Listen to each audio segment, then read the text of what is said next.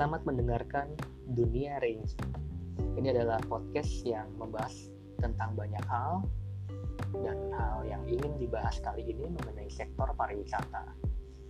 Sektor pariwisata merupakan sebuah sektor yang penting di Indonesia karena mereka mendukung banyak perputaran ekonomi dari yang UMKM sampai yang korporasi.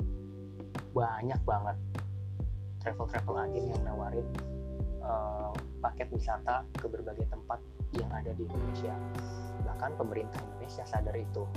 Pada bulan awal-awal tahun, Presiden Jokowi mau uh, menggelontorkan dana yang begitu besar untuk mendongkrak pariwisata. Padahal saat itu statusnya corona udah mulai uh, besar ya di dunia, tapi memang belum masuk ke Indonesia sih Nah, setelah kita masuk ini normal ini, ternyata ada banyak sekali uh, paket wisata yang udah kembali dibuka.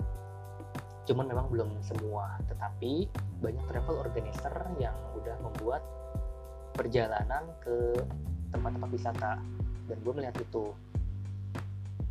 Kita memang sebagai manusia kayaknya memang butuh wisata sih ya sebagai upaya untuk membuat kita tetap waras dalam menjalani keseharian kita butuh traveling kita butuh pergi ke suatu tempat untuk terapi healing untuk menyembuhkan untuk sebuah terapi di mana kita akan merasa kembali segar apa istilahnya refreshing. Nah cuman kita mungkin sering terkendala ya untuk refreshing. Gue nggak tahu rute gue nggak tahu harus ke mana gue nggak punya temen. Pasti kegelisahan itu sering muncul sih untuk orang-orang yang ingin berwisata. Nah ternyata gue baru mengetahui di sekitar tahun 2017 ya ada suatu istilah yang memungkinkan kita untuk ikut jalan-jalan atau ikut ngetrip dengan orang lain. Namanya open trip. Open trip ini adalah gampangnya sih lu ikut trip ikut jalan-jalan tetapi digabung digabung sama orang-orang. Jadi ini adalah trip yang sifatnya terbuka. Semua orang boleh ikut. Beda dengan privat trip. Kalau privat trip kan lo jalan-jalan tapi internal gitu. Misalnya teman-teman sekantor lo atau teman-teman komunitas lo. Nah kalau open trip itu ter, uh, terbuka. Lo nanti bisa ketemu sama orang-orang yang berbeda dari latar belakang dari uh, wilayah dari domisili pokoknya berbeda-beda. Open trip ini diadakan oleh biasanya penyelenggara ya penyelenggaranya itu travel organizer. Dan kalau lu lihat di Instagram atau lu searching ada banyak banget travel organizer dari yang skala kecil sampai skala korporasi. Ternyata memang ini adalah bisnis yang lumayan sih lumayan menggiurkan karena ya pesertanya ada aja gitu loh. Gue ingat betul bahwa ada sebuah open trip yang mereka melakukan uh, perjalanan wisata itu jalan setiap weekend bayangin.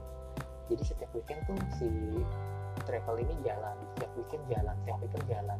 Berarti kan memang ada pasar dan banyak banget tempat wisatanya yang mereka tawarkan. Jenis open trip tuh ada dua sih yang gua akan bahas ya. Ini menarik nih men bahas tentang ini ya buat jalan-jalan kan. Open trip yang pertama adalah one day trip. One day trip ini kalau kita artikan kan berarti lu trip satu hari. Biasanya sih kalau one day trip ini nggak jauh ya treknya.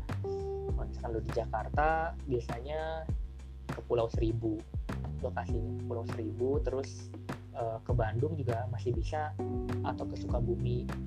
Pokoknya one day trip ini adalah trip yang diadakan selama satu hari. Jadi pulang pergi lu berangkat pagi sore pulang. Nah tapi walaupun satu hari lu tuh nggak merasa nggak bukan nggak rugi gitu loh makan gua. Karena pengalaman gue ikut one day trip gue tuh mendapatkan banyak tempat yang bisa gue jelajahi. Seperti wisata sejarah, wisata alam, kalau ke pantai gue bisa lihat sunset, terus gue bisa dapat kenangan dan gue bisa eksplorasi banyak hal di sana. Apalagi kalau lu pergi sama teman-teman atau orang yang lu sayangi gitu. Jadi lu membuat kenangan di sana. Nah selain yang one day trip ada juga yang nginep. Kalau nginep ya berarti kan sebenarnya ada istilah yang pasti cuma ya. Pada umumnya biasanya mereka dua hari tuh. Dua atau tiga hari untuk nginep. Kalau untuk yang deket ya tapi kalau untuk yang jauh bisa sampai empat hari lima hari tergantung moda transportasinya juga. Kalau open trip itu biasanya ada plus minus sih. Plusnya biasanya nih ada travel organizer. Mereka yang membantu mengelola mereka yang membantu mengumpulkan uang mereka yang menjadi penghubung mereka yang akan membantu kita dalam mengikuti travel yang mereka uh, sajikan. Dan karena dipandu oleh travel organizer otomatis terorganisir. Ada yang namanya jadwal ada yang namanya itinerary dan itu membantu kita untuk untuk tahu bahwa kita akan ke mana. Kadang lu kalau misalkan lu ngetrip sendirian atau berdua dengan biaya sendiri lu kan biasanya buta kan lu nggak tahu harus ke mana lu nggak tahu harus ngapain nah dengan si open trip ini biasanya mereka udah ada jadwalnya tuh untuk hari pertama ke mana hari kedua ke mana jam sekian ngapain jam sekian ngapain sudah terorganisir. Dan plusnya adalah hampir pasti jalan. Berapapun pesertanya biasanya mereka tetap jalan. Kadang gue pernah open trip ke Pahawang cuma tujuh orang ya tujuh orang delapan orang sama si uh, apa namanya sih sama si adminnya bukan admin sama guide-nya sama si tim leader sama tour leadernya cuma delapan orang tetap jalan. Tapi gue juga pernah ikut yang 92 orang tetap jalan. Jadi itu jadi nilai plus ya. Lu nggak takut kalau lu nggak akan jalan kecuali memang ada hal-hal non teknis yang memaksa lu menunda untuk perjalanannya seperti corona ini. Banyak loh gara-gara corona trip yang gak jalan ya secara memang nggak boleh juga kan. Gue adalah salah satu korban yang kedapatan kedapatan nggak bisa jalan gara-gara si corona. Sedih sih kalau diceritain dan kalau diingat lagi. Apalagi sekarang hari minggu ya. Ini di tanggal ini nih harusnya gue tuh lagi balik baru balik dari Dieng Kultur Festival. Gila sih. Tapi ada minusnya juga nih kalau lu ikut open trip minusnya yang pertama adalah lu akan merasa kurang puas. Kalau lu yang suka explore full-fullan gitu lu ngerasa kurang puas karena terbatas loh karena misalkan dari jadwal tour lo lu mengunjungi lima tempat di satu tempat itu lu cuma dijatah misalnya cuma 30 menit. Kan sayang ya kalau lu yang tipe orang yang pengen explore di tempat itu bisa memakan waktu banyak. Tapi lu cuma dibatasin 30 menit demi mengejar uh, jadwal yang udah tersusun itu. Sayang nih gua aja kalau jalan sama teman gua ada siapa gua sukanya yang puas gitu. Jadi ngider dulu ke mana itu satu tempat bener-bener di explore biar benar-benar puas. Nah itu jadi minus di ikut open trail.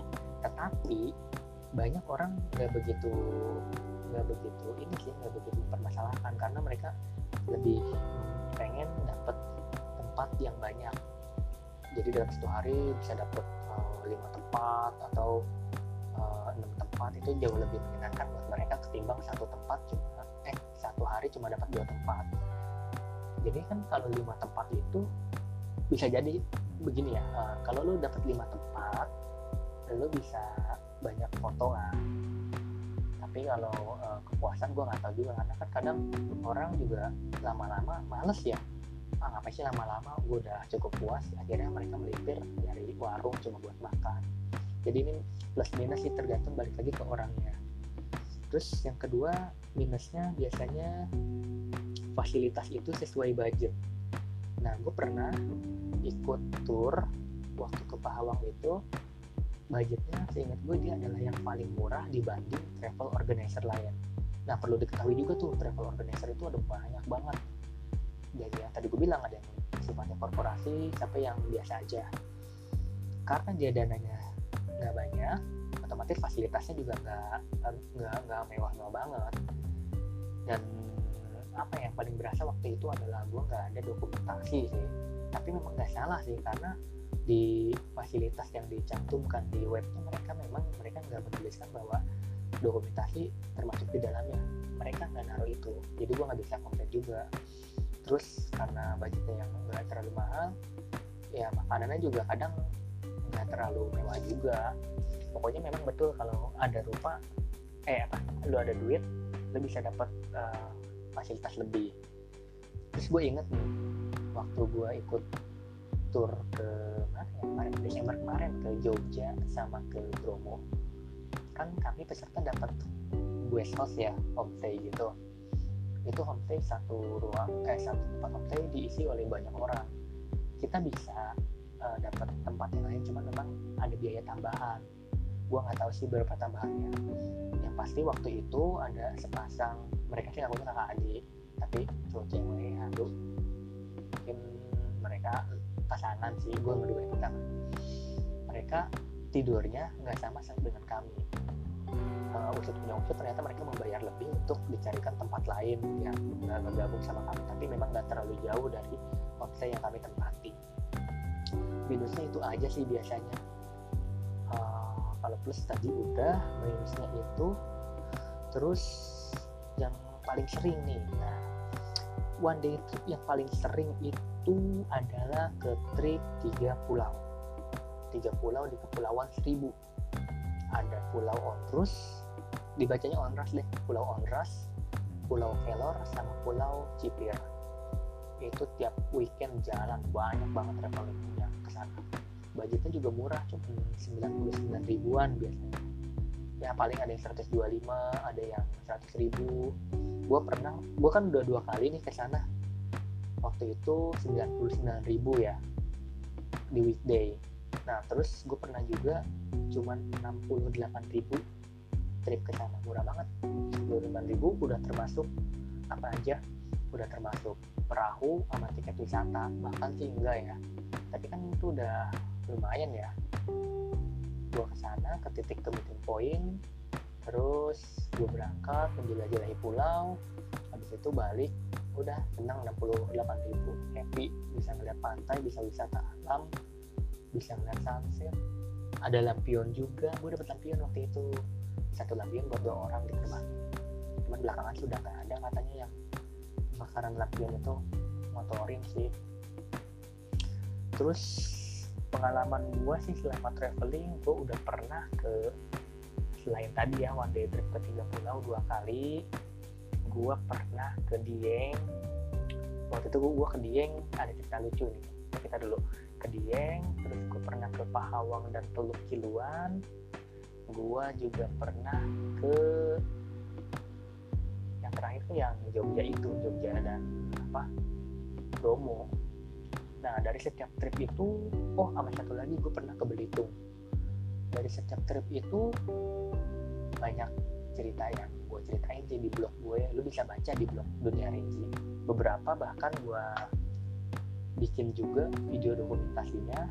Bisa dilihat di pot apa di YouTube dunia Renji nah masing-masing trip itu ada banyak plus minus dan ada banyak kenangan. Misalnya waktu one day trip yang pertama pas lagi hujan gue berangkat ke sana terus itu hampir nggak jalan. Sebenarnya kan janjian jam 8 pagi tapi gue baru bisa nyampe lokasi jam 11 pagi karena hujan dan lu tahu kan Jakarta kalau hujan dan macet itu udah kombinasi yang umum lah dijumpai.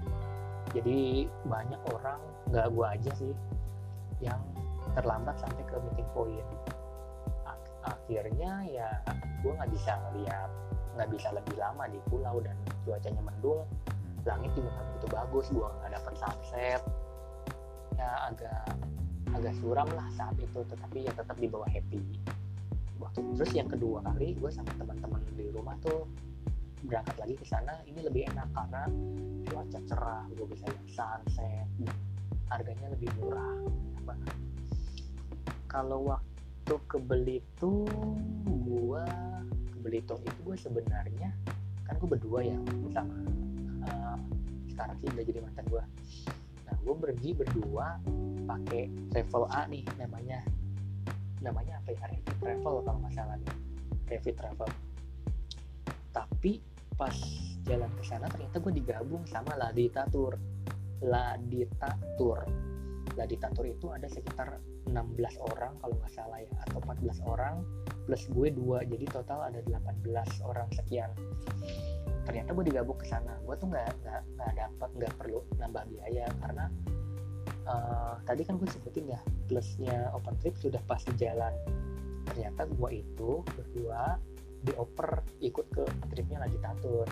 Nah itu urusan si Revi Travel dengan si lagi tatur deh gue nggak ngerti. Yang pasti gue ikut jalan mereka. Terus gue pernah ke Belitung. Ke Belitung tiket pesawatnya sih sendiri ya terus kita janjian di sana tuh enak banget. Belitung kan sumpah deh gue cuma tiga hari ikut tur mereka tapi wah benar-benar puas deh. Puas karena ya itu pengalaman pertama juga gue ke luar Pulau Jawa alias naik pesawat pengalaman pertama dan bener-bener katanya indah banget ya. Apalagi waktu itu pergi sama cewek gue kan sekarang udah jadi mantan. Oh gue baru ingat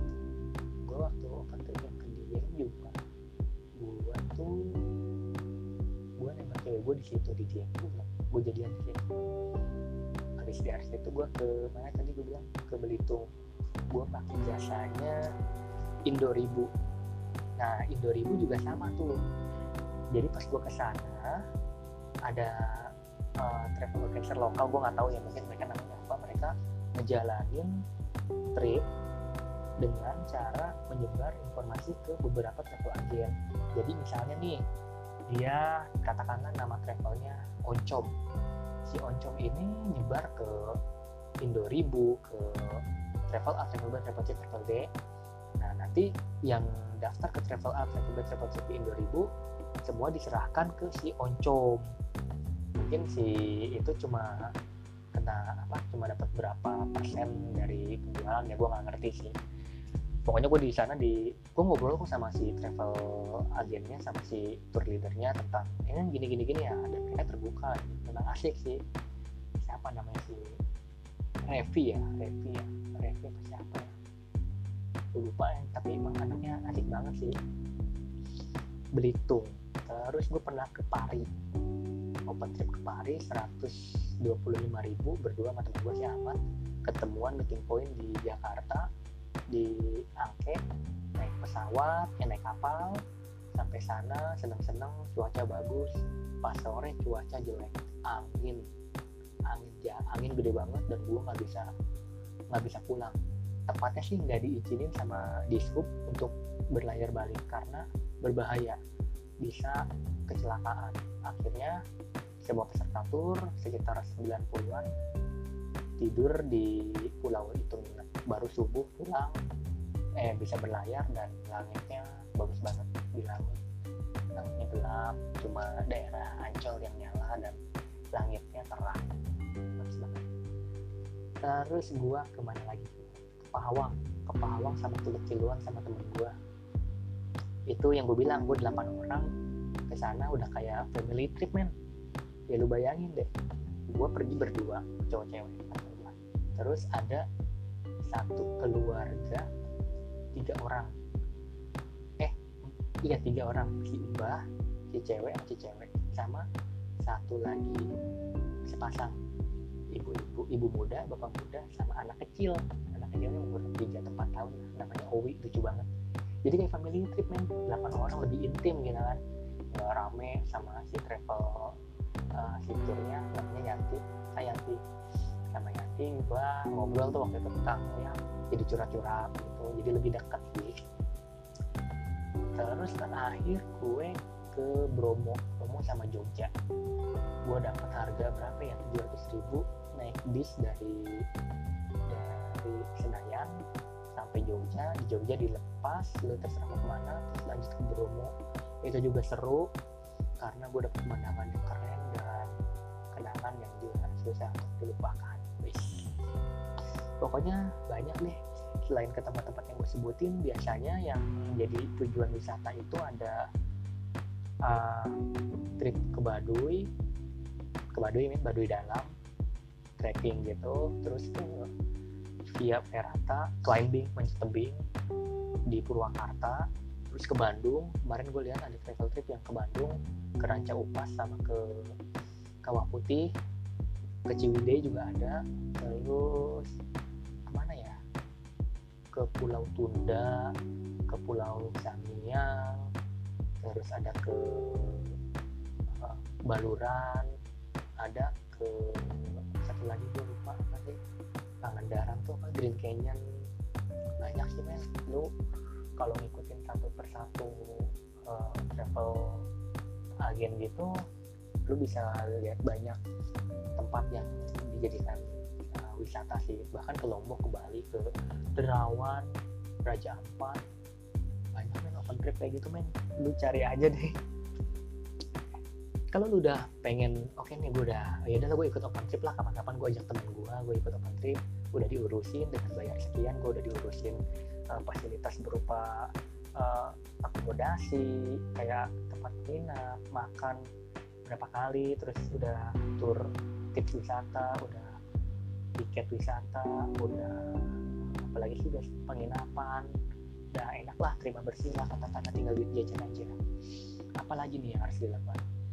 Kalau saran gua sih ada tips nih yang harus lo jadikan acuan untuk ikut travel eh, untuk ikut open trip. Yang pertama adalah lo harus survei. Lo harus survei uh, antara travel A dengan travel B apa aja yang disurvei yang pertama itu harga dan kualitas. Karena itu penting. Misalkan ya travel A ngasih harga 700.000 travel B ngasih harga 600.000 tapi travel A ngasih opsi uh, tempat wisata yang akan dikunjungi lebih banyak dibanding travel yang B. Nah itu harus compare juga. Karena biasanya mempengaruhi sih harga. Beda 10.000 beda 20-30 ribu itu akan ngaruh ke pemilihan kita sebagai uh, calon pembeli. Ah ini lebih murah nih. Uh, lebih murah 25 ribu ke sini aja deh. Nah, ini lebih banyak fasilitasnya kayaknya lebih seru ini deh. Pokoknya lu harus survei dan compare. Compare dari eh, jadwal, compare dari fasilitas, compare dari testimoni, compare dari dokumentasi dokumentasi mereka. Lo harus pinter-pinter juga supaya nggak kecolongan sih. Walaupun aku belum melihat sih ada kasus uh, yang parah dari ikut open trip. Nah yang ketiga ini penting adalah please lu coba cari promo. Penting men cari promo karena dengan adanya promo lu bisa dapat trip yang harganya jauh di bawah harga yang biasa dikasih ada satu travel organizer yang sering banget ngasih promo namanya Mai Permata Wisata gua nggak dibayar buat bilang ini tapi ini adalah salah satu travel organizer yang udah yang gua akan ngecek harga di dia dulu sebelum harga-harga lain dengan rute yang sama ya. Karena dia sering ada promo. Kayak misalnya ke Dieng. Orang-orang masih ngasih harga 650 dia bisa ngasih harga 400 ribu. Walaupun mungkin ada uh, yang dikurangin kayak misalnya dokumentasi. Tetapi kemarin gue udah lihat uh, hampir di semua udah ada dokumentasinya. Jadi lu cari promotor atau explore.id di aplikasi sih. Dia juga bisa 50% diskon dari harga 300 ribu lu bisa cuma harus bayar 150 ribu. Pokoknya banyak banget sih yang ngasih-ngasih promo. Kita harus jeli dan bisa manfaatkan itu.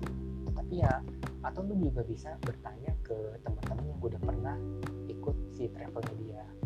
Bisa aja lu tanya ke uh, secara DM ya gue pernah waktu itu gue DM ke salah satu pesertanya ikut turnya si Indo Ribu. Gue kak ini bener nggak sih? Kamu pernah ikut trip ini oh iya bener. Gimana kesannya? Uh, kesannya bagus kok. Nggak mengecewakan. Nah akhirnya kan nambah kepercayaan kita untuk uh, travelnya dia. Apalagi ya mau cerita itu aja sih. Intinya kalau lo bingung mau wisata tapi lo nggak tahu mau ke mana lo cobain aja ikut open trip. Karena dengan lo ikut open trip lo udah yang pertama sih lo ditanggung lo udah udah ada jadwal lo udah uh, udah dikasih tahu ngapain udah dikasih tahu ke mana dan biaya semua ditanggung dengan sekali bayar biasanya. Terus lu bisa dapat teman-teman dan lu happy lah gua harap setelah mengikuti tour itu kalau lu nggak salah milih tanggal lu nggak salah milih gue harap lo bisa happy setelah mengikuti trip itu. Biasanya sih setelah lo mengikuti trip satu lu akan nagih nih ke trip gua ke trip lainnya. Karena kayak candu kali ya. Oh pengen kereta nggak harus bayar mahal gua udah tinggal segini aja gua udah bisa pergi ke